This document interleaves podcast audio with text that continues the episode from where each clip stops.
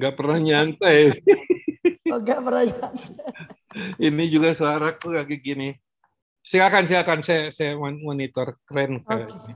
So, suaraku juga luar biasa. Hmm. Oke, okay, kita buka ya. Selamat pagi, sahabat suluh keluarga. Selamat bertemu kembali dalam Suluh Keluarga atau Kultur Parenting Pagi edisi hari Jumat. Udah Jumat aja ya. Dan sudah hari terakhir untuk bulan Juni. Wow ya, ini minggu terakhir untuk di bulan Juni. Uh, tanggal oh salah justru sudah bulan satu. Juli nih eh Sudah satu benar-benar sudah satu Juli ini ya, sudah bulan baru, harapan baru ya.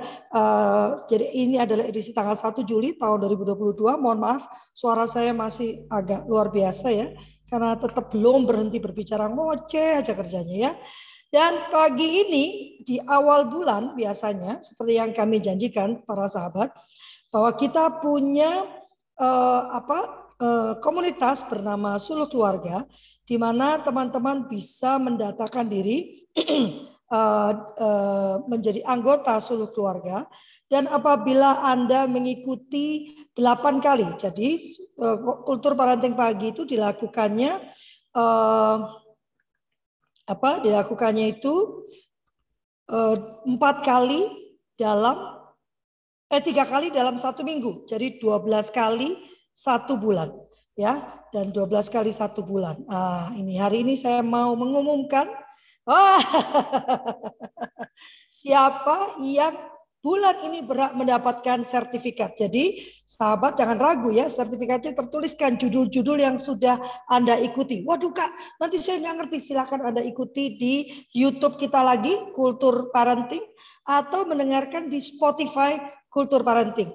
Anda bisa mendapatkan sertifikat ini tiap bulan hanya dengan 150 ribu per tahun. Juga sudah saya buktikan ya pelatihan-pelatihan yang bekerja sama dengan suluh keluarga Anda mendapatkan diskon 20%. Yang terdekat ini uh, neuroparenting basis neo, basic basic neuroparenting ya uh, yang diselenggarakan oleh Dr. Amir Zudi dan para anggota suluh keluarga bisa mendapatkan diskon 20%. Lumayan loh, satu setengah juta ya. Dan pagi ini pembicara kita, uh, narasumber kita Kak Dani, uh, walaupun beliau baru bergabung tapi luar biasa rajin. Tapi uh, saya kasih rahasia ya teman-teman ya. Biasanya yang baru pertama yang anyar-anyar itu dapat sering gitu ya, tapi setelah itu lama kelamaan mungkin sudah merasa cukup dengan pengayaannya ya Pak Kak Dani. Semoga ini menjadi semangat ya untuk terus ikut dan makin mengajak banyak orang. Yang kedua Kak Faisy, saya nggak tahu kayak ini hadir nggak Kak Faisy ya. Kak Faisy juga berhak mendapatkan uh, sertifikat kultur parenting ya, sertifikat bulanan ya. Uh, lalu berikutnya Kak Vivi ya. Selamat Kak Vivi. Anda memang Kak Vivi ini paling rajin ya. Saya nggak tahu kenapa bulan-bulan lalu nggak dapat ya. Orang saya selalu mendap apa ketemu dengan Kak Vivi. Jangan lupa teman-teman karena admin kami uh, menilai dari absen yang teman-teman isi. Berikutnya bulan ini cukup banyak ya.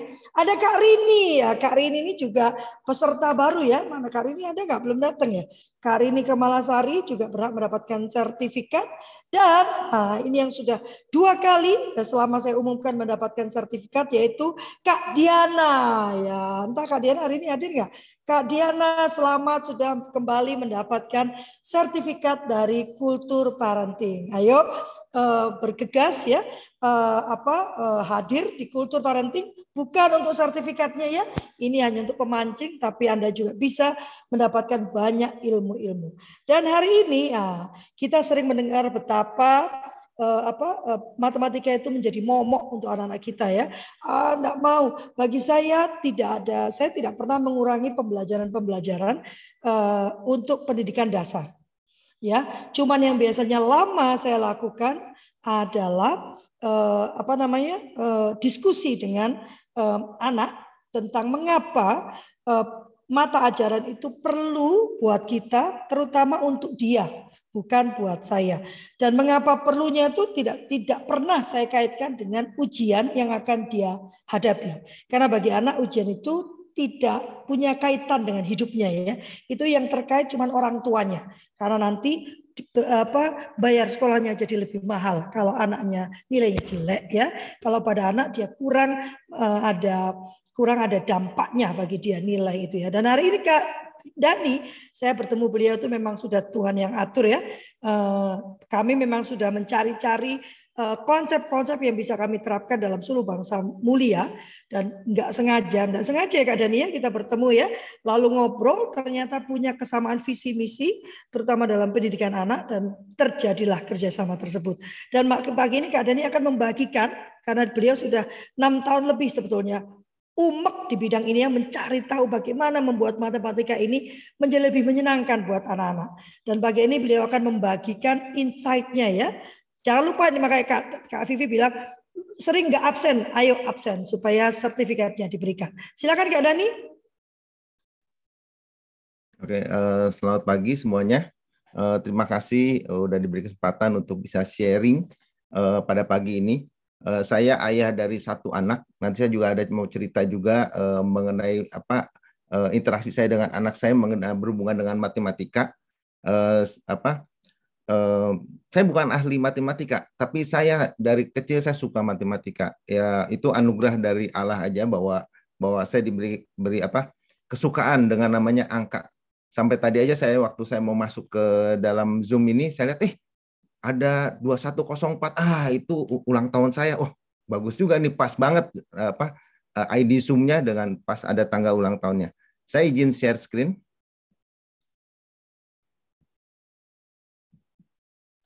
Berarti hari Kartini dong ya? Ah, jadi Kartono saya. Oke, udah terlihat ya? Sudah kak? Oke. Eh, selamat pagi. Nah ini uh, saya diberi kesempatan untuk share uh, bahwa matematika itu fun dan itu juga yang saya rasakan. Uh, cuma saya tahu juga tadi dikatakan juga bahwa matematika itu banyak ya, jadi momok lah ya di, di banyak apa anak-anak bahwa membosankan atau bahkan mengerikan. Bahkan nggak nggak sedikit anak yang frustasi dengan apa yang namanya matematika. Nah saya mau share uh, sedikit pengalaman uh, yang yang saya punya untuk bagaimana anak-anak bisa tertarik dengan namanya matematika dan berhubungan dengan dengan parenting dengan dengan kita sebagai orang tua. Uh, saya kembali lagi saya kenalkan nama saya Rusmin Dani, saya CEO dan founder dari Sahabat Cerdas. Uh, Sahabat Cerdas punya beberapa uh, produk, tapi salah satu yang paling kita fokuskan adalah matematika. Uh, jadi dibilang itu bahwa uh, kita punya namanya matematika interaktif, yang mana matematika interaktif ini adalah apa aplikasi untuk membantu anak SD sampai SMA untuk mengerti uh, mengerti matematika dengan lebih mudah dan lebih menyenangkan melalui animasi dan tutorial yang interaktif gitu. Nah, saya saya sudah membuat ini tapi yang tadi seperti dikatakan oleh uh, Kalofli, saya sudah enam tahun ber, uh, benar-benar terus untuk untuk um, mendalami lah untuk bagaimana bisa membuat matemat, uh, satu aplikasi untuk membuat anak-anak itu bisa mencintai dan menyukai mat, uh, matematika. Enggak lagi satu momok, tapi benar mereka bisa enjoy uh, belajar matematika. Oke, okay, uh, sebelumnya, nah ini uh, kalau dibilang uh, waktu kemarin saya juga dengar dari uh, Kak Ane ya kalau salah, dibilang bahwa kalau enggak enggak kenal itu enggak sayang. Karena itu saya coba jelaskan sedikit. Ini ini dari uh, Eh, dari orang-orang mereka coba untuk eh, menjelaskan apa itu matematika ya nah ada namanya James and James tahun 1976 mengatakan bahwa matematika adalah ilmu tentang logika mengenai bentuk susunan besaran dan konsep-konsep yang berhubungan satu dengan yang lainnya dengan jumlah yang banyak dan terbagi ke dalam tiga bidang yaitu aljabar, analisis dan geometri. Ini ini salah satu arti dari matematika. Jadi kalau kita eh, apa lebih singkatkan lagi itu tentang logika ya yang yang dan daripada bentuk susunan besaran tapi yang masalah adalah itu dalam jumlah yang banyak sekali. Nah, ini ini eh, apa yang kita harus mengerti gitu bahwa matematika itu sebenarnya menyambung-nyambungkan sesuatu yang yang dalam jumlah yang begitu eh, besar gitu. Selanjutnya eh, yang kedua adalah dari Johnson eh, dan Rising tahun 1972 dikatakan bahwa matematika adalah pola pikir, pola mengorganisasikan, pembuktian yang logik, matematika itu adalah bahasa yang menggunakan istilah yang didefinisikan dengan cermat, jelas, dan akurat. Representasinya dengan simbol dan padat, lebih berupa eh, bahasa simbol mengenai ide daripada mengenai bunyi. Nah, mungkin ini ini salah satu eh, juga penyebab bahwa eh, matematika itu enggak terlalu banyak digemari, disukai karena dia tidak berhubungan enggak, enggak berhubungan dengan bunyi ya, tapi lebih banyak mengenai simbol dan apa ide. Tapi yang yang luar biasa adalah bahwa ini berhubungan dengan pola pikir, pola pola mengorganisasikan uh, mengorganisasikan ya. Dan itu uh, dan dibilang bahwa itu didefinisikan dengan cermat dan jelas dan akurat. Jadi ini ini adalah bagaimana menunjukkan matematika itu sangat penting untuk mengorganisasi, untuk membuktikan satu yang yang logik dan dibilang kita tuh harus cermat, jelas dan akurat. Udah pasti kalau kita berhubungan dengan dengan kehidupan, jika kita bisa bisa mengerti sesuatu dengan dengan cermat, dengan jelas dan akurat, udah pasti kita akan mendapatkan suatu hasil yang yang, yang luar biasa. Tapi kita lanjutin lagi. Ini uh, definisi ketiganya. Dibilang dari Klein 1973, matematika itu bukan ilmu pengetahuan yang menyendiri, yang dapat sempurna karena dirinya sendiri. Jadi matematika itu nggak bisa berdiri sendiri tuh gitu. Tetapi adanya matematika itu terutama untuk membantu manusia dalam memahami dan menguasai permasalahan ekonomi, sosial dan alam. Nah, ini udah udah luar biasa ya. Eh, apa definisinya udah udah lebih lebih kita bisa melihat bahwa betapa matematika itu ilmu yang luas yang yang sangat berguna.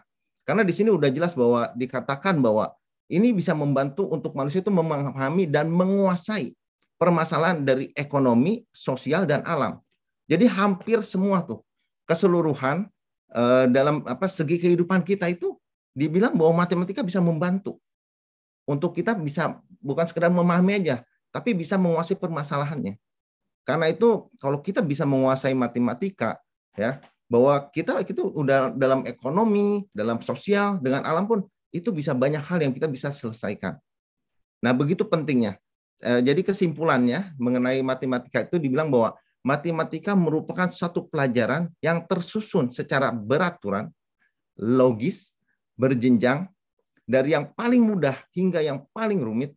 Dengan demikian pelajaran matematika itu tersusun demikian rupa sehingga pengertian terdahulu lebih mendasari pengertian berikutnya.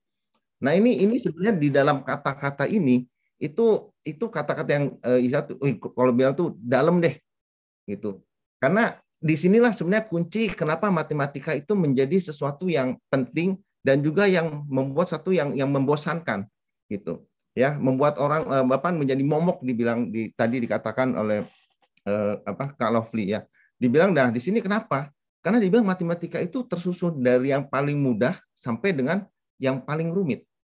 Nah ini ini ini berjenjang dan beraturan itu. Nah inilah yang membuat uh, nanti saya akan jelaskan membuat kenapa matematika kadang-kadang menjadi bagi beberapa anak itu membosankan ya dan bagi bagi beberapa anak itu menjadi momok juga karena karena itulah itu bahwa matematika itu mengejarkan tentang keteraturan. Tapi yang yang mau saya tekankan adalah bahwa matematika sangat penting. Ya, sangat penting. Nah, selanjutnya eh, nah kalau kita lihat adalah siapa sih yang menggunakan matematika? Ya. Nah, sekarang eh, yang pertama adalah pelajar. Jadi kalau kalau kakak-kakak Eh, perhatikan dan pernah mengalami atau sekarang juga semualah semua semua orang akan mengalami matematika itu diajarkan pada dasarnya dari PAUD sampai dengan kuliah selesai semua ada namanya matematika. Kalau pelajaran lain bisa ada, bisa tidak ada, bisa ada, bisa nggak ada. Tapi matematika itu semua jenjang akan diajarkan. Mengapa? Karena memang matematika itu dibutuhkan di dalam kehidupan dan matematika itu yaitu berurut dari ketika kecil kita hanya mungkin mengenal angka sampai wah kita nanti udah udah kuliah itu eh, kita urusannya dengan integral diferensial yang rumit-rumit gitu. Tapi yang pasti adalah matematika penting karena di di apa di setiap eh, jenjang jenjang apa eh, pendidikan kita pasti ada matematika dan akan sangat membuat frustasi kalau anak itu tidak suka matematika. Kalau anak menganggap matematika itu momok itu sangat frustasi. Karena setiap hari berarti eh, dalam kehidupan dia mungkin nggak setiap hari tapi dalam satu minggu setiap pasti ada. Tiap minggu itu dia akan bertemu dengan momok itu. Dan kasihan anak-anak kita kalau kalau mereka mesti menghadapi itu. Oke terus juga matematika digunakan oleh siapa? Oleh karyawan atau ibu rumah tangga. Intinya dalam kehidupan dalam bekerja ataupun dalam mengatur rumah tangga pasti berhubungan dengan matematika. Kenapa bisa begitu? Karena eh, sebagai misalnya ibu rumah tangga atau atau apa ya mengelola ya Eh, rumah tangga pasti berhubungan dengan dengan kita mengelola mengelola uh, keuangannya. Dan itu pasti berhubungan dengan matematika. Berapa banyak uang yang didapat dari uh, suami terus bagaimana menggunakannya gitu. Karena kalau kalau tidak mengerti tentang hal-hal dasar seperti itu waduh akan akan akan frustasi juga untuk ibu rumah tangga atau mungkin karyawan yang kerja sama juga ya dia harus mengatur keuangannya bagaimana dapat gaji sekian untuk uh, kos-kosan sekian, untuk makan sekian. Nah, kalau enggak akan akan benar-benar akan membuat frustasi. Saya kasih contoh ya. Saya kasih contoh tentang untuk apa? Ada saya punya sahabat ini lumayan. Dia di kalau di apa? Uh, di jabatan dia tuh ya udah udah mendekati kepala sekolah lah bisa dibilang juga kepala sekolah karena mungkin pemilik sekolah ini ada di luar negeri jadi dia percayakan kepada kepada teman saya ini tapi dia nggak suka dengan namanya matematika dan angka. Kalau dibilang eh, pendapatan dia cukup besar setiap bulannya, tapi sepertinya bermasalah dengan dengan pengaturan karena tidak tidak apa tidak dia nggak memang nggak suka dengan hitung-hitungan. Tapi untuk hal yang lain tuh oh, dengan dengan hubungan dengan anak dia bisa bisa mengerti anak, bisa lakukan assessment anak luar biasa. Tapi dia nggak suka dengan matematika. Dan ketika satu kali dia menghadapi masalah finansial, karena dia tidak mengerti matematika dengan dengan baik, akhirnya dia ambil pinjaman. Kalau sering itu pinjol ya, yang bunganya ada ujubileh tinggi sekali. Untuk untuk untuk orang-orang yang suka matematika dia langsung bisa menghitung. Gila, jangan coba-coba deh, karena ini mengerikan sekali gitu. Tapi karena nggak ngerti ya udah, oh ya udah dia pinjam 5 juta untuk selesaikan satu satu masalah satu gitu. Dia kagak tahu gitu bahwa bunganya begitu besar, akhirnya hanya dalam hitungan 2-3 bulan dia udah berutang lebih dari 100 juta. Saya saya saya coba oke okay, eh, dia cerita terus saya coba bantu untuk untuk itu. Waktu saya itu waduh udah deh cepet-cepet stop karena ada hitungan dalam empat bulan aja itu udah hampir 1 m uh, hutangnya. Kalau dia mau coba selesain nggak bisa nggak bisa dengan uh, diselesaikan dengan cara demikian. Udah pasti tunggu dalam satu tahun dia udah udah kolaps dah gitu.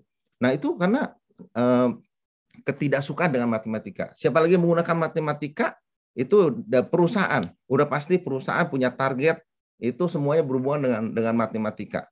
Pemerintah juga sama eh, membuat APBD, APBN itu juga semua sama gitu. Eh, pasti pasti berhubungan dengan dengan matematika. Gitu. Oke, Nah, ini akan menyenangkan eh, bagaimana untuk untuk akan akan matematika menyenangkan adalah kita ya kita sebagai orang tua harus mengenalkan eh, angka itu sejak dini ya. Itu bisa kalau sekarang wah enak sekali bisa menggunakan aplikasi, banyak aplikasi untuk mulai anak-anak itu mengenal angka dari angka 2, 3 cuma ada sekedar tahu aja oh ada angka tuh seperti itu gitu. Termasuk aplikasi sahabat cerdas juga ada mengenai itu gitu.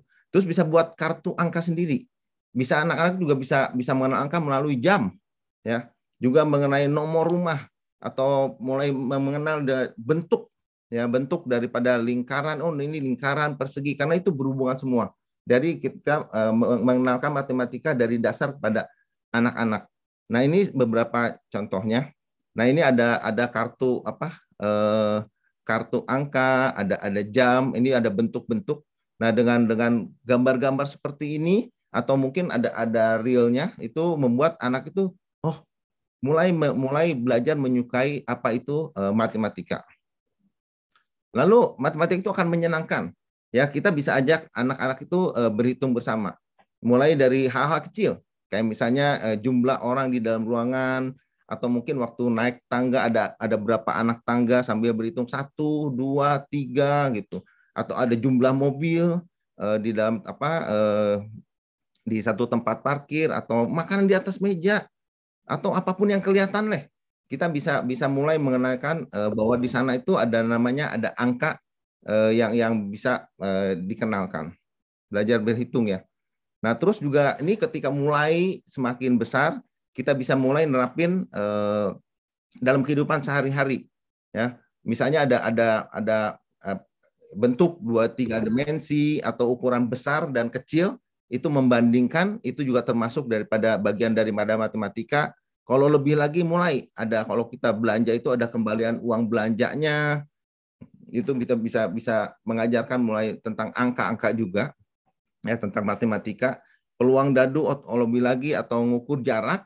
Jadi kalau kita lakukan itu dalam dalam kehidupan sehari-hari itu tidak akan menjadi satu beban buat anak-anak. Biasanya anak-anak itu akan merasa beban kalau dia berhadapan dengan kertas ya di di mejanya dan mulai itu uh, stres gitu.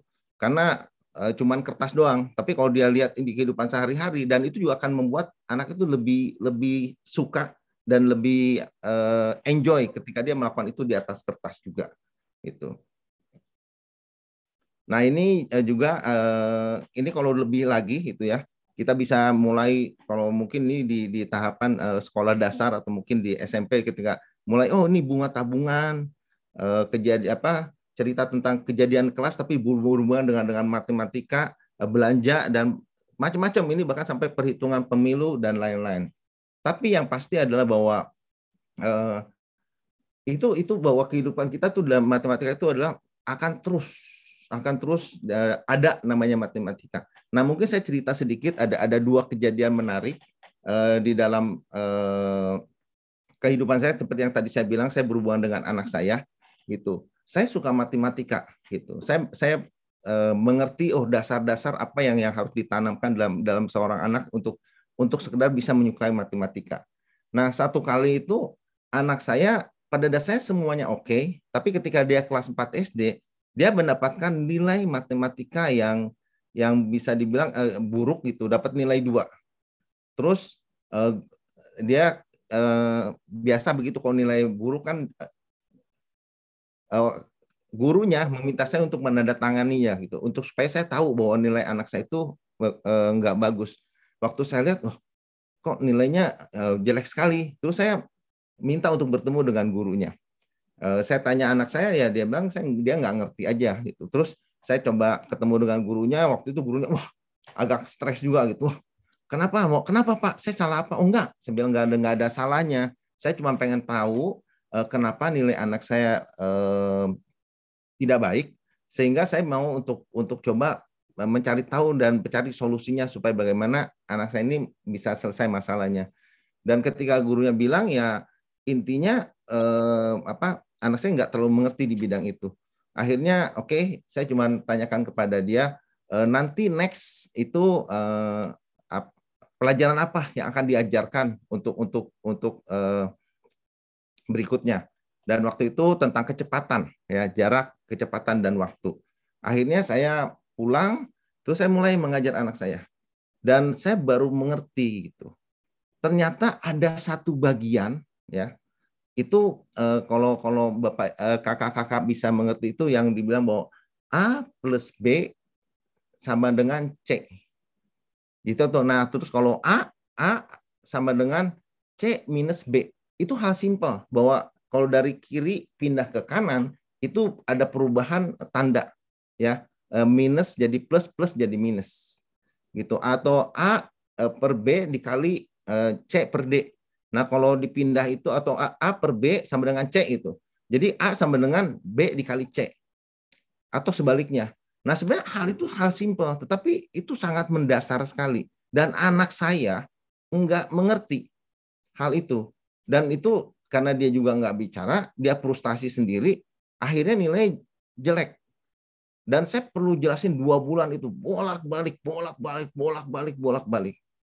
Tapi luar biasa setelah dia mengerti itu, dia begitu dia memasuki apa uh, ujian lagi, tes berikutnya udah 8, tes berikutnya udah 9 dan 10. Hanya konsep dasarnya, tapi karena kalau dia nggak waktu itu tidak diselesaikan, itu membuat dia frustasi itu frustasi terus karena dia akan semakin ketinggal semakin nggak suka ketinggal makin nggak suka makin nggak suka makin nggak suka udah deh matematika udah jadi momok gitu. Demikian juga ada, ada uh, saya ada ngobrol dengan dengan uh, teman saya gitu. Dia punya adik gitu. Ini pinter, teman saya pinter, cuman adiknya tuh di matematikanya nggak ngerti, stres gitu. Sampai satu kali liburan waktu itu uh, liburan dia kalau nggak salah kelas 1 SMP dan liburan gitu. Nah kakak kakaknya ini SMA. Akhirnya mereka cuma belajar belajar tentang kakaknya jadi guru, adiknya jadi dari jadi muridnya. Dan waktu dia ngajarin begitu gitu. Nah teman saya ini melihat hal yang sama kejadian sama. Oh ada dasar daripada uh, adiknya itu yang tidak mengerti di matematikanya dasarnya konsepnya. Akhirnya selama liburan tuh satu bulan tuh belajar apa belajar guru dan dan murid gitu ya kan dulu memang nggak banyak nggak ada nggak ada apa nggak ada uh, games, nggak ada. Kita belum sampai urus sama gadget, nggak punya gadget. Jadi mainnya tuh sekolah-sekolahan gitu. Dan luar biasanya, begitu anak itu, adiknya itu mengerti konsepnya, udah gitu. Semenjak itu nilainya yang biasanya cuma di bawah 4 deh gitu. Langsung 7, 8, 9, 10. Karena cuma sekedar dasarnya. Tapi kalau dibiarkan tertinggal, nah itu itu akan terus jadi momok bukan mungkin bukan segera di waktu sekolah, tapi seumur hidup stres saja. Karena matematika itu berurut dari yang mudah ke tersulit. Kalau dia yang mudah aja dia udah nggak bisa, begitu ngadepin yang lebih sulit, nah, udah mati deh gitu. Nah jadi kesimpulannya adalah eh, matematika itu bisa menjadi fun ya, menyenangkan. Pertama ketika anak itu mengerti konsepnya, gitu. Yang kedua adalah ketika anak itu nggak tertinggal dalam pelajaran di kelasnya. Nah ini eh, yang yang sering terjadi sebenarnya yang yang kedua ini, yang begitu tertinggal itu nggak nggak dari mana pun juga. Ketika dia dari eh, 2 SD dia ketinggalan gitu, nggak mengerti, maka udah begitu kelas 3 dia stres, 4, 5 udah stres aja.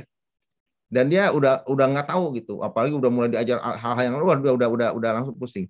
Dan eh, yang ketiga adalah eh, matematika akan menyenangkan kalau itu diterapkan dalam kehidupan sehari-hari.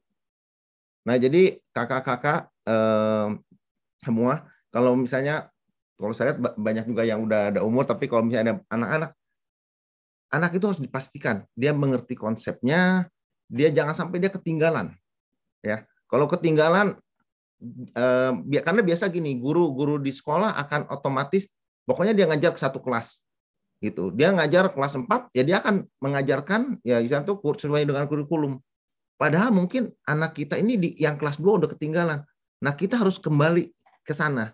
Kita bantu dia. Untuk untuk jangan sampai ketinggalan deh. Karena udah ketinggalan nanti kelas 5 makin ketinggalan makin stres. Gitu. Dan juga kita coba untuk benar-benar mengajak mereka eh, mengenal matematika dan menyukai matematika eh, dari dalam kehidupan kita sehari-hari. Eh, itu aja yang saya mau share. Eh, terima kasih.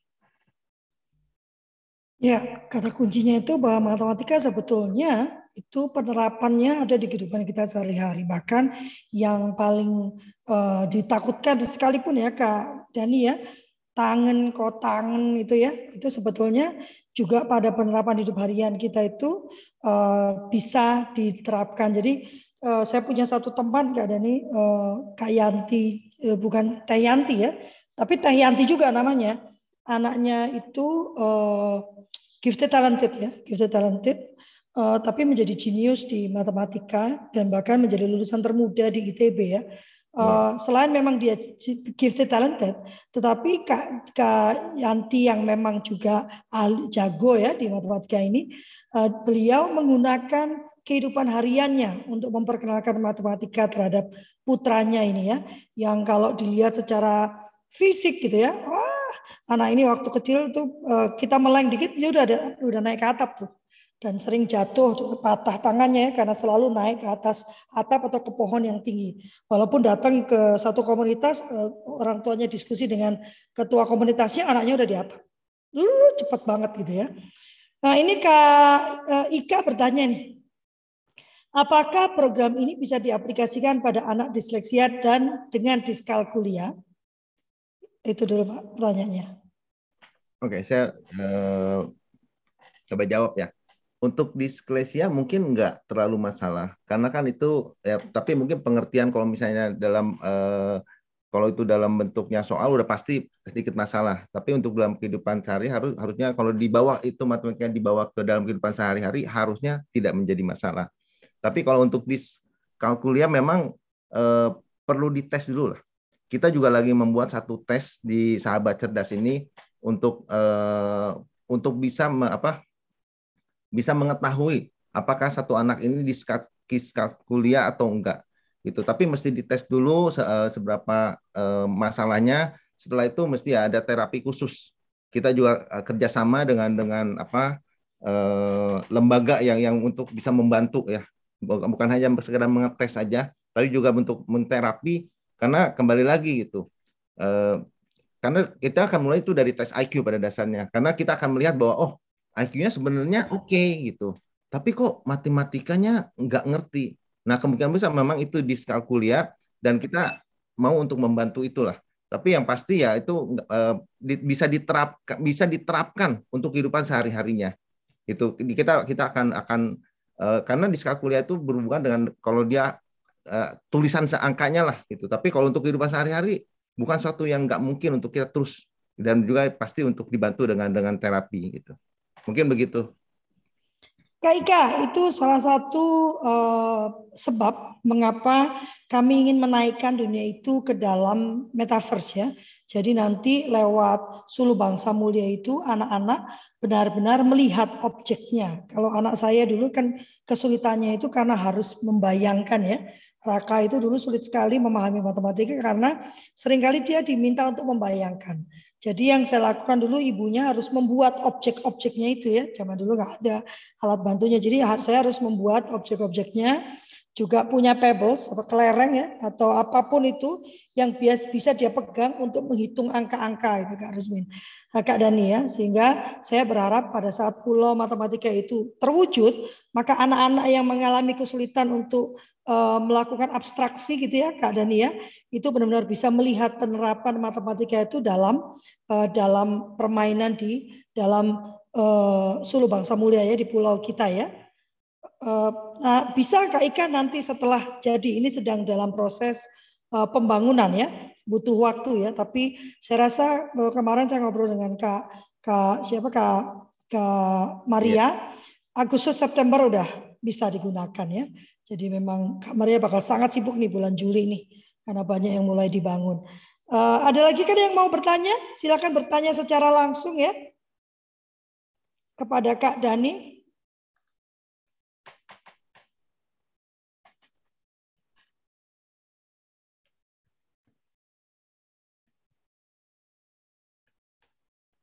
Ada Kak, Kak Vivi, silakan.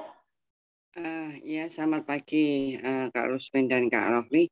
Uh, saya bukan bertanya, saya hanya mau sharing apa yang dikatakan Kak Rusmin benar itu. Karena memang saya juga nggak pandai matematika. Uh, matematika saya juga dulu waktu uh, sekolah juga ya biasa-biasa aja. Dan ini terjadi memang anak saya yang kedua itu yang disleksia. Itu memang dia uh, matematika, apalagi sekarang matematika yang literasi itu susah buat dia terutama karena memang dia harus paham, paham cerita, soal cerita. Kemudian nanti dia harus uh, menerjemahkan dalam bentuk rumus, menghitung ini pakai apa kan begitu. Kalau kemarin yang SD yang saya alami begitu. Ternyata apa yang dikatakan Kak Rusmin itu betul. Jadi kita harus pahami dulu akarnya di mana. Jadi kenapa dia nggak bisanya itu kenapa? Karena memang da, uh, saya temukan literasinya dia. Jadi dia memahami suatu uh, kalimat itu susah. Jadi uh, memang analoginya saya akhirnya saya belajar karena memang waktu itu PJJ di rumah kebetulan itu memang menguntungkan buat saya sehingga kita bisa latihan terus menerus. Saya buat dulu dia tidak uh, istilahnya uh, shock atau kecewa dengan nilai dulu. Saya bilang tidak usah perhatikan nilai dulu. Saya uh, coba arahkan, saya pelajari, saya lihat beberapa metode juga. Saya ajak dia untuk mendalami kelemahannya dia dan mencari ke bagaimana untuk bisa coping strateginya.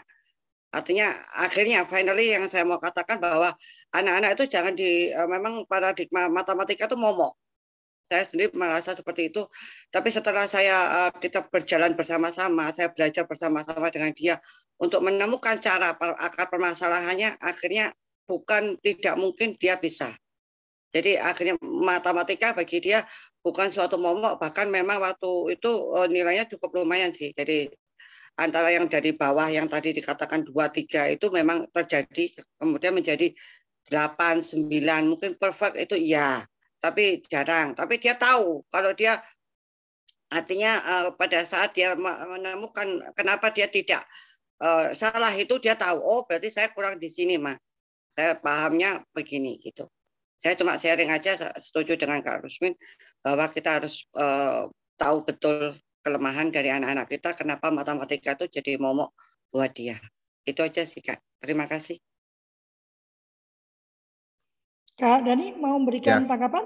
Ya, eh, makasih eh, Kang Vivi. Eh, saya merasa betul sekali dan saya merasa wow, eh, luar biasa yang udah Kak Vivi, Kak Vivi lakukan ya untuk bahwa jangan itu jadikan momok untuk eh, untuk anak itu jangan lihat oh nilainya udah jelek gitu loh.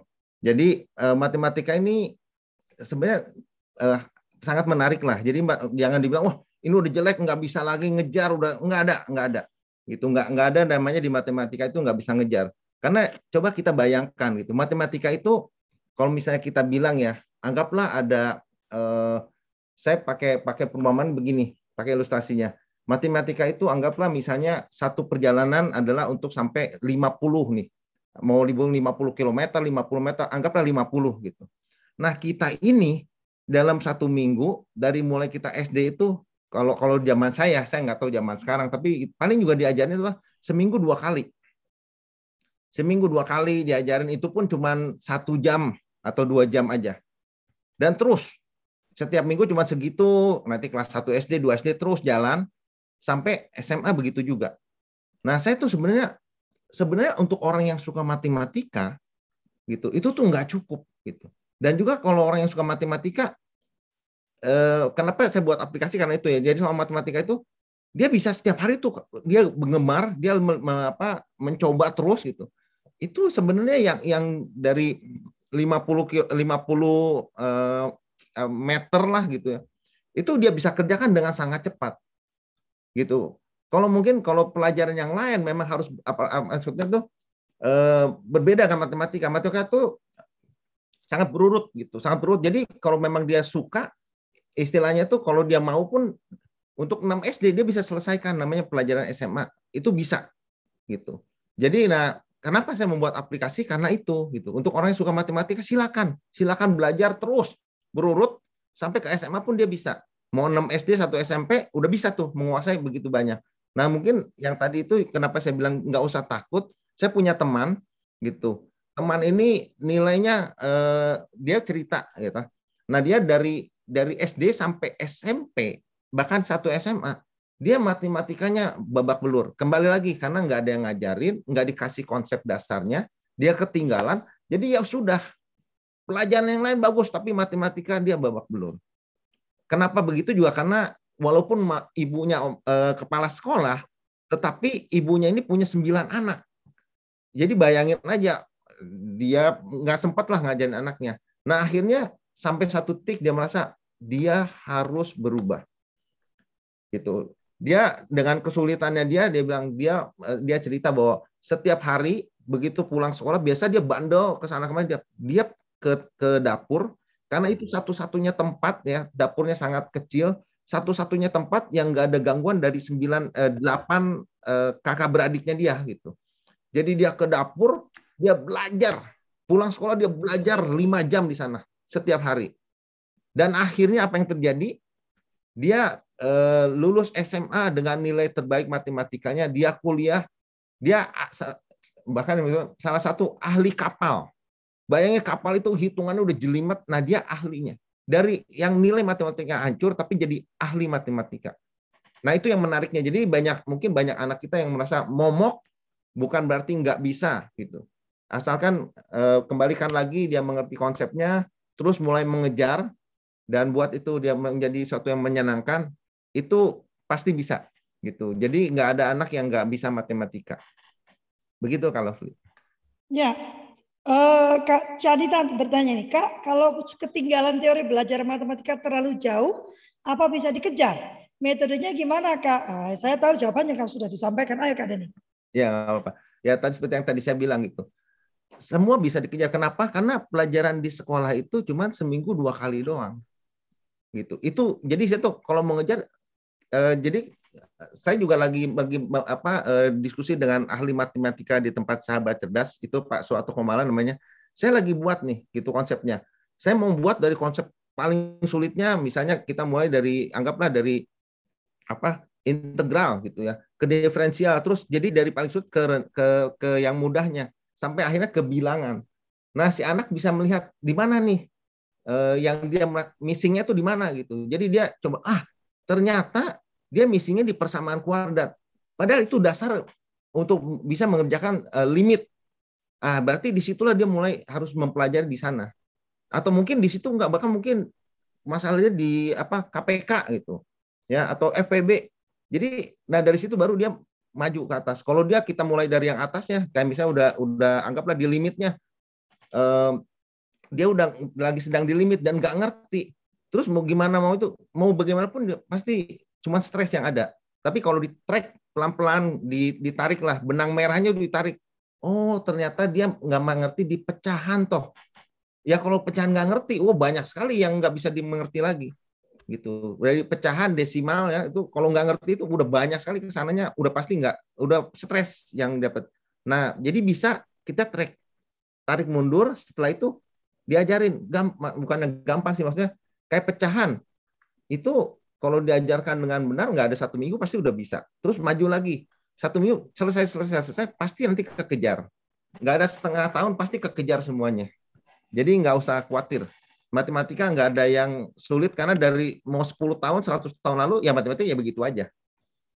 Begitu aja nggak nggak banyak berubah kecuali yang bagian sulit-sulitnya ya berubah. Tapi yang dasarnya udah pasti untuk sampai SMA nggak ada yang perbedaan sih. Itu termasuk di kurikulum merdeka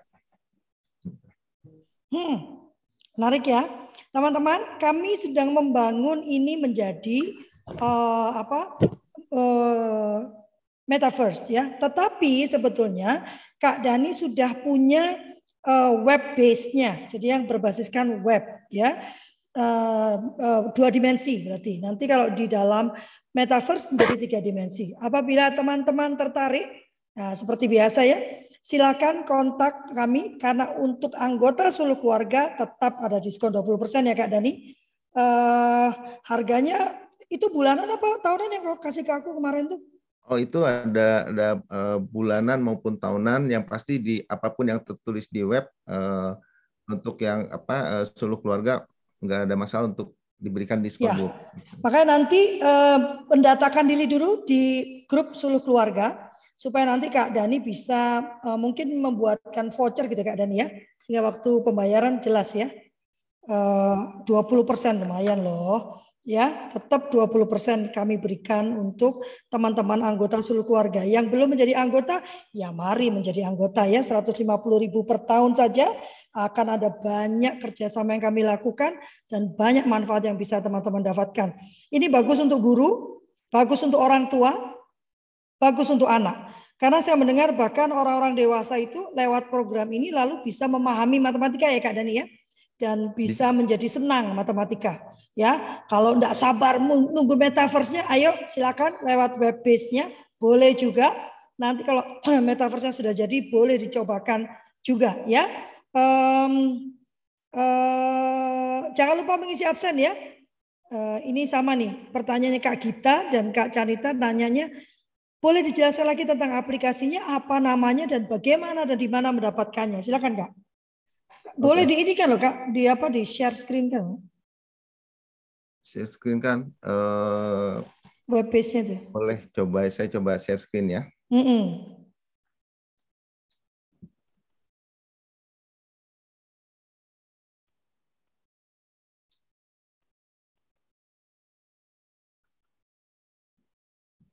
Supaya sebentar. paling tahu ya web page-nya aja dulu ya.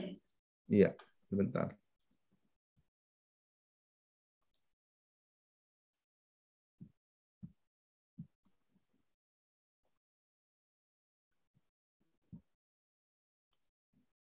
Uh, Oke. Okay. Oh.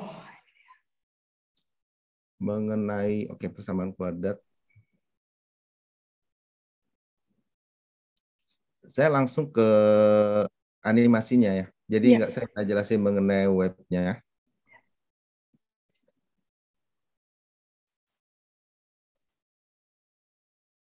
Jadi kalau suruh nunggu itu berarti harus jalan di tempat biar sehat itu kan gambarnya. Nah, pada dasarnya eh, jadi ini yang yang di webnya sendiri itu bukan sekedar ada animasinya tetapi ada juga contoh soalnya yang berhubungan dengan animasinya dengan dengan subjeknya lah. Mhm. Nah, kalau kita banyak eh, sebenarnya eh, kalau kita banyak dengar bahwa anak-anak itu belajar online, kebanyakan itu di video. Ya, belajar online itu mereka video. Nah, video itu begini, kalau video itu adalah kalau misalnya 4 dikali 2 ditambah 5 itu sama dengan 13, kita nonton 10 kali, videonya pasti hasilnya sama. Yang muncul adalah 4 dikali 2 ditambah 5 sama dengan 13. Nah, di kita itu eh, kenapa pakai animasi? Ya karena gini, ini persamaan kuadrat kita mau cari eh, harga X-nya, ini tuh bisa dirubah. Nah, misalnya ini, kita mau mau rubah, kita tinggal GS, eh, ininya aja. Ini pun mau dirubah sama juga. Gitu. Dengan begitu kita bisa anak itu bisa mencoba berbagai macam contoh soal. Bahkan ada yang oh ini ternyata nggak ada hasilnya karena uh, kalau cari persamaan kuadrat itu bisa oh nggak bisa dicari gitu ya. Nah ini ada beberapa rumus gitu. Dan tadi kalau saya bilang ini ini animasi yang interaktif dan ada tutorialnya begini interaktif karena bisa kita bisa rubah-rubah angkanya. Nah ini gitu. Ini ada pembahasannya step by stepnya. Nah, udah gitu ini kan mulai dari pertama eh, nilai A-nya diketahuinya terus sampai hasilnya. Nah, jadi Tuh. ada step by step tutorialnya. Itu sampai ketahuan eh, X1-nya 2 dan X2-nya minus 4. Gitu. Kalau dengan cara yang lain sama juga, hasilnya tetap sama tapi caranya yang berbeda dan eh, eh, beda cara nanti ada ada fungsinya juga gitu. Nah, kurang lebih seperti begini. Oh, Hasilnya sama. X2 ya. keren ya. Nah, ini salah satu salah satu apa eh, salah satu ininya apa animasi lainnya tadi saya bilang itu. Nah, di sini ada contoh soalnya gitu, yang berhubungan dengan dengan ini dan ada pembahasannya juga. Jadi anak bisa belajar dari apa eh, dari animasinya dan juga langsung bisa belajar dari contoh soalnya dan mereka bisa eh, belajar lah tes diri sendiri kemampuannya Hmm. seperti apa. Jadi anak-anak bisa mandiri juga ya kak ya. Eh, karena menarik Iya, juga anak bisa tampilannya ya. Web based. Nah itu kita punya 300 lebih animasi seperti itu. Dari mulai pengenalan angka sampai dengan eh, yaitu sampai eh, limit, eh, matriks, macam-macam. Kita ada 300 lebih. Dan kita akan terus update terus, eh, tambahin terus animasi yang ada. Nah ini Sesuai ada Kak Hamdani nih. Kak Hamdani ayo. Kak Hamdani ini pengelola em, home santren ya. Dengan Pak Lukman kan. Ayo dimanfaatkan eh, aplikasinya. Eh, nanti akan segera muncul aplikasi ini dalam bentuk dunia metaverse ya. Eh, bekerja sama dengan Sulu Bangsa Mulia. Jadi kalau mau eh, aplikasi yang di web based ya silahkan. Kalau Anda ingin mendapatkan diskon 20%, mari menjadi anggota Suluh keluarga ya. Nanti akan lalu mendatakan diri seperti biasa lah. Nanti akan saya serahkan ke Kak Dani. Kebetulan nanti kami akan bertemu ya. Nanti bisa diskusi lebih lanjut. Ada lagi Kak yang mau bertanya terkait ini satu pertanyaan lagi ya. Karena mendekati jam 8. Kok aku jadi kayak jualan obat ya? Ayo ya, ya. Nah. Kak Irwan, Kak Sinolungan, Kak Sinolungan ini luar biasa loh. Dari Manado, ayo.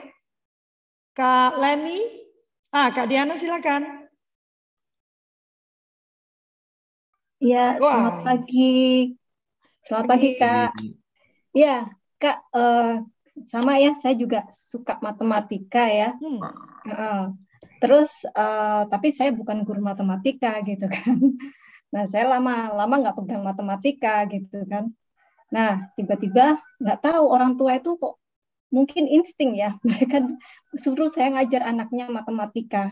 Kebetulan anak eh, anaknya bukan kebutuhan khusus ya. Nah, terus eh, anaknya ini eh, punya di sekolah ya, di sekolah itu punya teman yang juga sama-sama les, tapi bukan les sama saya. Nah, saya itu kadang-kadang memberikan cara yang termudah gitu kan. memberikan cara termudah di, di, uh, daripada di sekolah gitu kan. Nah, tapi uh, selalu jawabannya benar, selalu jawabannya benar. Nah, ketika suatu saat itu dia itu uh, apa namanya ngotot menggunakan pakai cara gurunya, iya nggak apa-apa gitu kan. Saya itu bermaksud untuk dia ngerti ya kak ya, dia ngerti kan karena kadang-kadang uh, materi matematika pembelajaran matematika itu ada berbagai cara kan kak Ya, ada walaupun dari sekolah seperti ini kita berikan cara yang termudah, tapi gurunya guru matematika pasti tahu itu. Nah, suatu saat itu uh, dia ngotot sama saya. Aku nggak mau pakai caranya Budiana gitu. Ya udah, ternyata salah. salah itu uh, saya agak agak shock ya kak ya. Maksudnya bagaimana ya supaya saya bisa menerjemahkan bahasa uh, bahasa matematika yang uh, yang diajarkan gurunya dengan uh, yang saya ajarkan gitu. Kadang-kadang anak-anak itu uh, ya apa yang guru ajarkan kan eh, apa yang saya ajarkan itu diterima gurunya dengan cara yang termudah gitu loh. Nah, uh, nah kadang-kadang anak-anak itu kan tertantang ya karena dia punya teman uh, sama caranya sama dengan cara yang saya berikan itu. Nah, dia mencoba untuk mempunyai apa pakai yang punya gurunya gitu. Nah itu ya ketika dia salah dia marah gitu kan. Kenapa kok saya salah gitu. Nah itu gimana ya kak ya. Kadang-kadang tapi uh, saya bersyukurnya guru matematikanya menerima gitu loh. Karena itu juga ada di uh, apa itu juga ada di apa guru matematika tuh pasti ada cara termudah kan kak. Nah bagaimana menjelaskannya gitu. Uh, itu uh, anaknya uh, di tingkat apa, Kak Diana? Tingkat SD, Kak. Tingkat SD ya. Terus dia mau mau coba untuk cara gurunya dan uh, salah gitu cara itu? Iya, uh, uh. terus saya berikan yang uh, apa, yang mendekati hampir sama dengan cara gurunya gitu. Memang hasilnya benar, benar dengan ini gitu kan. Nah kadang-kadang dia itu gini kak, uh, misalnya dia tanya rumus, rumus itu kan nggak dipelajarin, maksudnya cara mencari rumus gitu. Anaknya memang pinter ya kak ya, uh, ininya pinter gitu.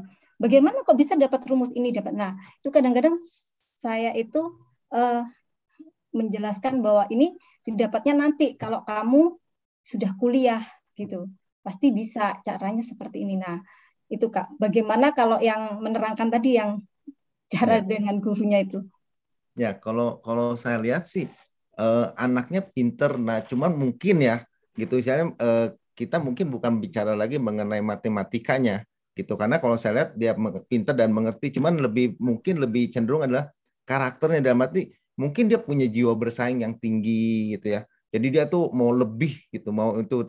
Nah mungkin juga dia eh, ada ada satu eh, apa kayak persaingan dengan anak yang tadi itu dan dia mau membuktikan gitu. Kan dan saya tuh ah gue nggak mau disama-samain nih jangan disama-samain dong gitu. Oh saya di, udah dapat dari apa kak Diana eh, ibu Diana bagus gitu. Oh kok dia juga dapat juga yang sama nih? Saya mau cara yang lain. Nah nah itu mungkin akan bisa uh, dicari tahu apa penyebab kenapa dia mau membuktikan hal demikian. Padahal kan kalau saya dengar bahwa kak Diana sudah mengajarkan hal yang luar biasa ya. Bukan sekedar uh, untuk cara mudah tapi cara untuk benar-benar anak ini bisa mengerti gitu. Nah, jadi mungkin hanya perlu digali aja. Sebenarnya apa yang membuat dia penasaran. Tapi mungkin juga memang dia begitu cintanya matematika sehingga dia tuh mau eh, apa mau mengetahui berbagai macam cara gitu. Jadi kalau saya lebih cenderung adalah untuk dikasih pengertian gitu bahwa matematika ini dikerjakan dengan cara apa pun juga itu yang penting nilainya sama dan yang penting adalah berurut gitu hmm. berurut gitu karena jangan lompat karena saya meng pernah mengajar anak teman saya itu dia selalu mau lompat gitu. Udah misalnya tiga dalam kurung dua ditambah dua gitu. Dia harusnya kan dibuka dulu tiga kali dua ditambah tiga kali dua. Eh, enam tambah enam sama dengan dua belas. Dia maunya langsung enam tambah enam. Tapi kan banyak kan akhirnya salah gitu. Nah yang penting kalau hmm. diajar udah berurut yang penting dia anaknya mengerti konsepnya gitu. Dan dijelaskan bahwa semua caranya sama dan yang Kak Diana jelaskan itu salah satu cara dan uh, itu akan menghasilkan hal yang sama ya semoga dia bisa bisa mau untuk terima itu gitu. Iya, sebenarnya anaknya nggak suka matematika sih kak. Dia iya. selalu bilang, kenapa sih orang dewasa itu uh, gini? Kenapa sih orang dewasa itu rumit? Padahal bisa secara termudah katanya gitu. Wah itu hebat sekali anak Iya, anak luar biasa itu. Iya, anaknya analitik kak, Anal ya. analitik banget anaknya. Nah itu makanya uh, ya saya agak-agak agak-agak takut ya, maksudnya uh, ini aja mau tahun ajaran baru ini orang tuanya promosiin ke salah satu orang tua. Aduh saya deg-degan ini kan. Janganlah, jangan takut. Jangan. Uh, enggak kak, maksudnya gini, uh, setiap anak saya kan harus analisa ya karena ini anak dari dari awal saya pegang yang mulai dari kelas 3 SD saya pegang kan. Nah, sekarang anaknya sudah mau naik kelas 6 gitu kan. Adiknya dari dari belum TK B, TK A itu sudah saya pegang gitu. Jadi adiknya sekarang kelas 3 gitu. Nah, ini orang tuanya promosiin promosiin ya kan uh, saya sebenarnya kalau ngajar itu Kak uh, mempersiapkan dulu, mempersiapkan bahan ajar. Nah, saya akan membuat ini apa uh, daftar apa yang akan di, bakal ditanyakan anak ini, gitu. Nah, itu dan saya akan mencari jawabannya. Itu. Wah, Kak Diana, kalau saya punya anak, saya juga mau lesin sama Kak Diana, anak saya. Enggak, Kak. Jangan, Kak. Nah, Pusing saya, Kak. Gurunya, gurunya udah mantap. Karena salah satu yang membuat anak bosan matematika itu pengajarnya. Dan Kak Diana, hmm. menurut saya salah satu pengajar eh, yang baik lah. Mau mempersiapkan event, mau mempersiapkan kurang lebih anak itu akan ke mana arahnya. Nah, itu itu udah sangat baik Kak Diana. Luar biasa. Iya, uh, terima kasih. Kayak mengajarkan apa Kak, bangun ruang tentang sisi, tentang rusuk, tentang sudut, titik sudut itu uh, memang saya menggunakan media ya, alat peraga gitu. Kadang-kadang mereka gini, uh, apa bawa materi aku nggak ngerti maksudnya sudut titik sudut gitu kan nah untungnya ada mainan mainan apa kak kayak Lego Lego stick itu loh kak uh, pakai Lego stick jadi saya terangkan dengan itu nah terus kalau mengajar bagaimana apa luas apa sih kemarin luas bangun ruang luas bangun ruang itu kan kak beda dengan luas uh, bangun datar kan. Nah, itu saya medianya itu dengan apa? Saya gambar gitu kan. Tapi saya beri warna sisi yang berbeda. Maksudnya sisi yang berhadapan itu warnanya sama gitu. Gitu aja sih Kak, supaya dia paham gitu. Kak misalnya titik sudut dan sudut itu ya saya menerangkan ini yang disebut sudut ini. Jadi uh, agak detail gitu. Ya. Memang harus begitu ya Kak ya? Betul, harus begitu. Maksud eh, karena kembali tadi ada yang bilang juga bahwa imajinasi anak kadang nggak nyampe. Karena itu kenapa eh, kita juga di sahabat cerdas kita udah buat, maksudnya supaya eh, terlihat tiga dimensi ya, gitu. Dan memang ada yang apa itu. Dan bahkan ya kembali yang tadi kalau Fli bilang gitu, di metaverse akan lebih luar biasa lagi. Ya, benar-benar tiga dimensi dan akan terlihat. Nah itu yang sedang kita sedang kita kerjakan sama-sama supaya anak itu lebih tertarik lah, lebih tertarik, lebih suka matematika. Itu yang kita uh, buat itu. Matematika biar jangan kelihatan membosankan cuman angka-angka doang, tapi anak bisa mengimajinasikan seperti yang tadi uh, uh, Kadiana buat gambar-gambar itu. Cuman mungkin ini uh, dalam bentuk apa digital aja.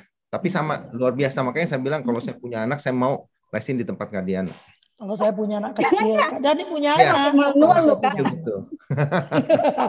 ngomongnya kalau saya punya anak, ntar protes itu anaknya nih. Kok papi ya. ngomongnya kalau kalau anak saya masih kecil gitu ya. Betul, kalau anak saya masih kecil, saya cari Kadiana untuk jadi guru. Iya, iya, iya. Silakan memanfaatkan uh, apa metaverse yang sedang kami buat gitu ya.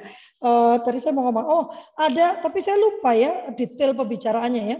Cuma ada kutipan yang mengatakan pada saat kita mendengar sekian persen kita belajar ya kak, kak Dani ya lalu hmm. membaca sekian persen gitu kan tapi kalau melakukan mengerjakan itu presentasi yang tertinggi kalau nggak salah 85 persen ya kita bisa memahami gitu itu sebabnya uh, hands on activitiesnya kita berikan di metaversa gitu jadi ruangan yang aman untuk mereka mencobakan. Jangan salah ya, kami tidak akan hanya berhenti di dunia matematika ya. Kami akan beranjak ke dunia fisika dan dunia kimia ya.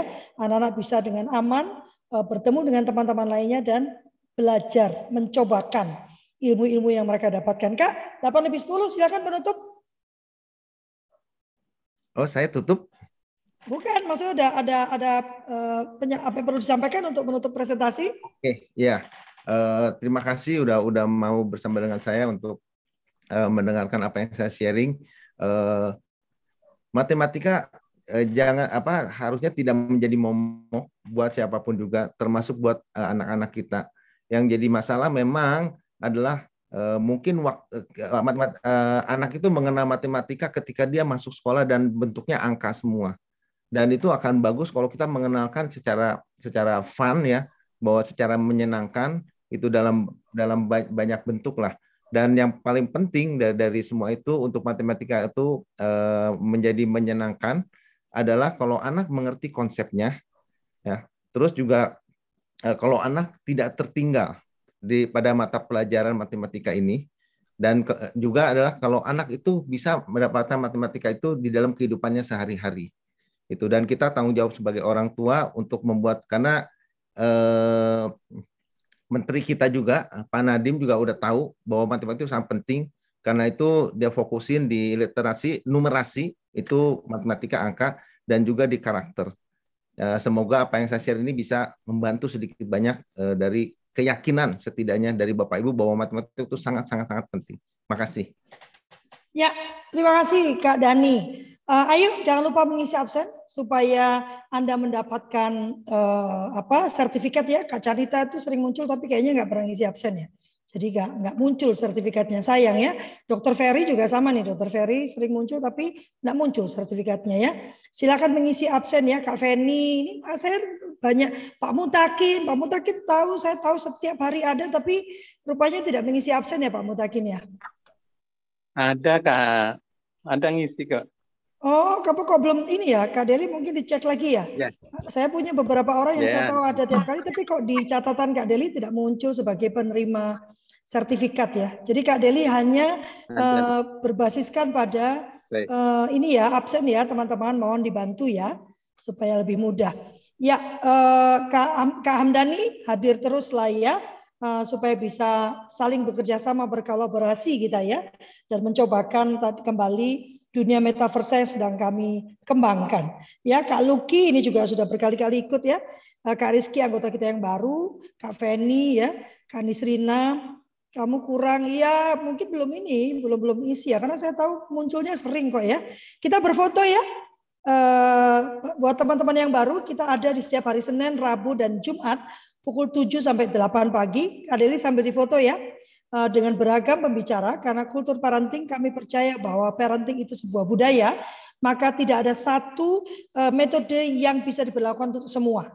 Maka kami menyediakan banyak eh, narasumber supaya teman-teman bisa memilih dan memilah sesuai dengan values dan apa tata nilai atau visi misi yang dimiliki oleh keluarga tersebut.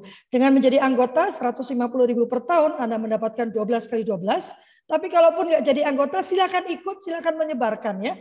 Coba kalau jadi anggota, kelebihannya Anda bisa mendapatkan sertifikat bulanan dan juga diskon 20% untuk semua kerjasama yang kami lakukan. Baik itu pelatihan maupun dengan Kak Dani seperti ini contohnya ya.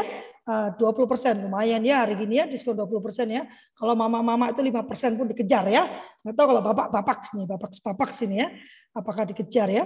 Eh, Kak Dani nanti mungkin kapan-kapan bisa berbagi tentang konsep home santrennya ya. Uh, saya tahu kok bikin dengan uh, Pak Lukman kan. Uh, mungkin bisa nanti kapan-kapan berbagi ya, uh, bisa menjadi inspirasi buat semua teman-teman ya. Nanti kita atur waktunya ya. Hari Senin kita akan bertemu dengan Kak Yanti Kerlip.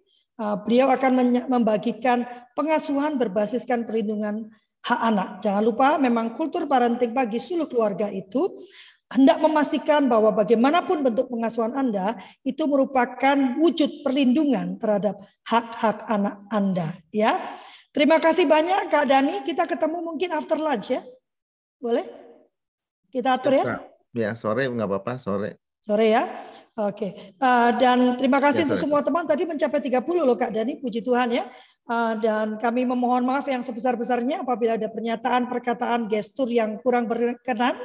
Kami tidak ingin merendahkan, tidak ingin memojokkan, tidak ingin menghakimi, tidak ingin menggurui juga, tetapi kami ingin membagikan apa yang menjadi pengalaman kami, apa yang menjadi keyakinan kami, dan yang paling penting yang juga kami kerjakan di dalam kehidupan kami sehari-hari.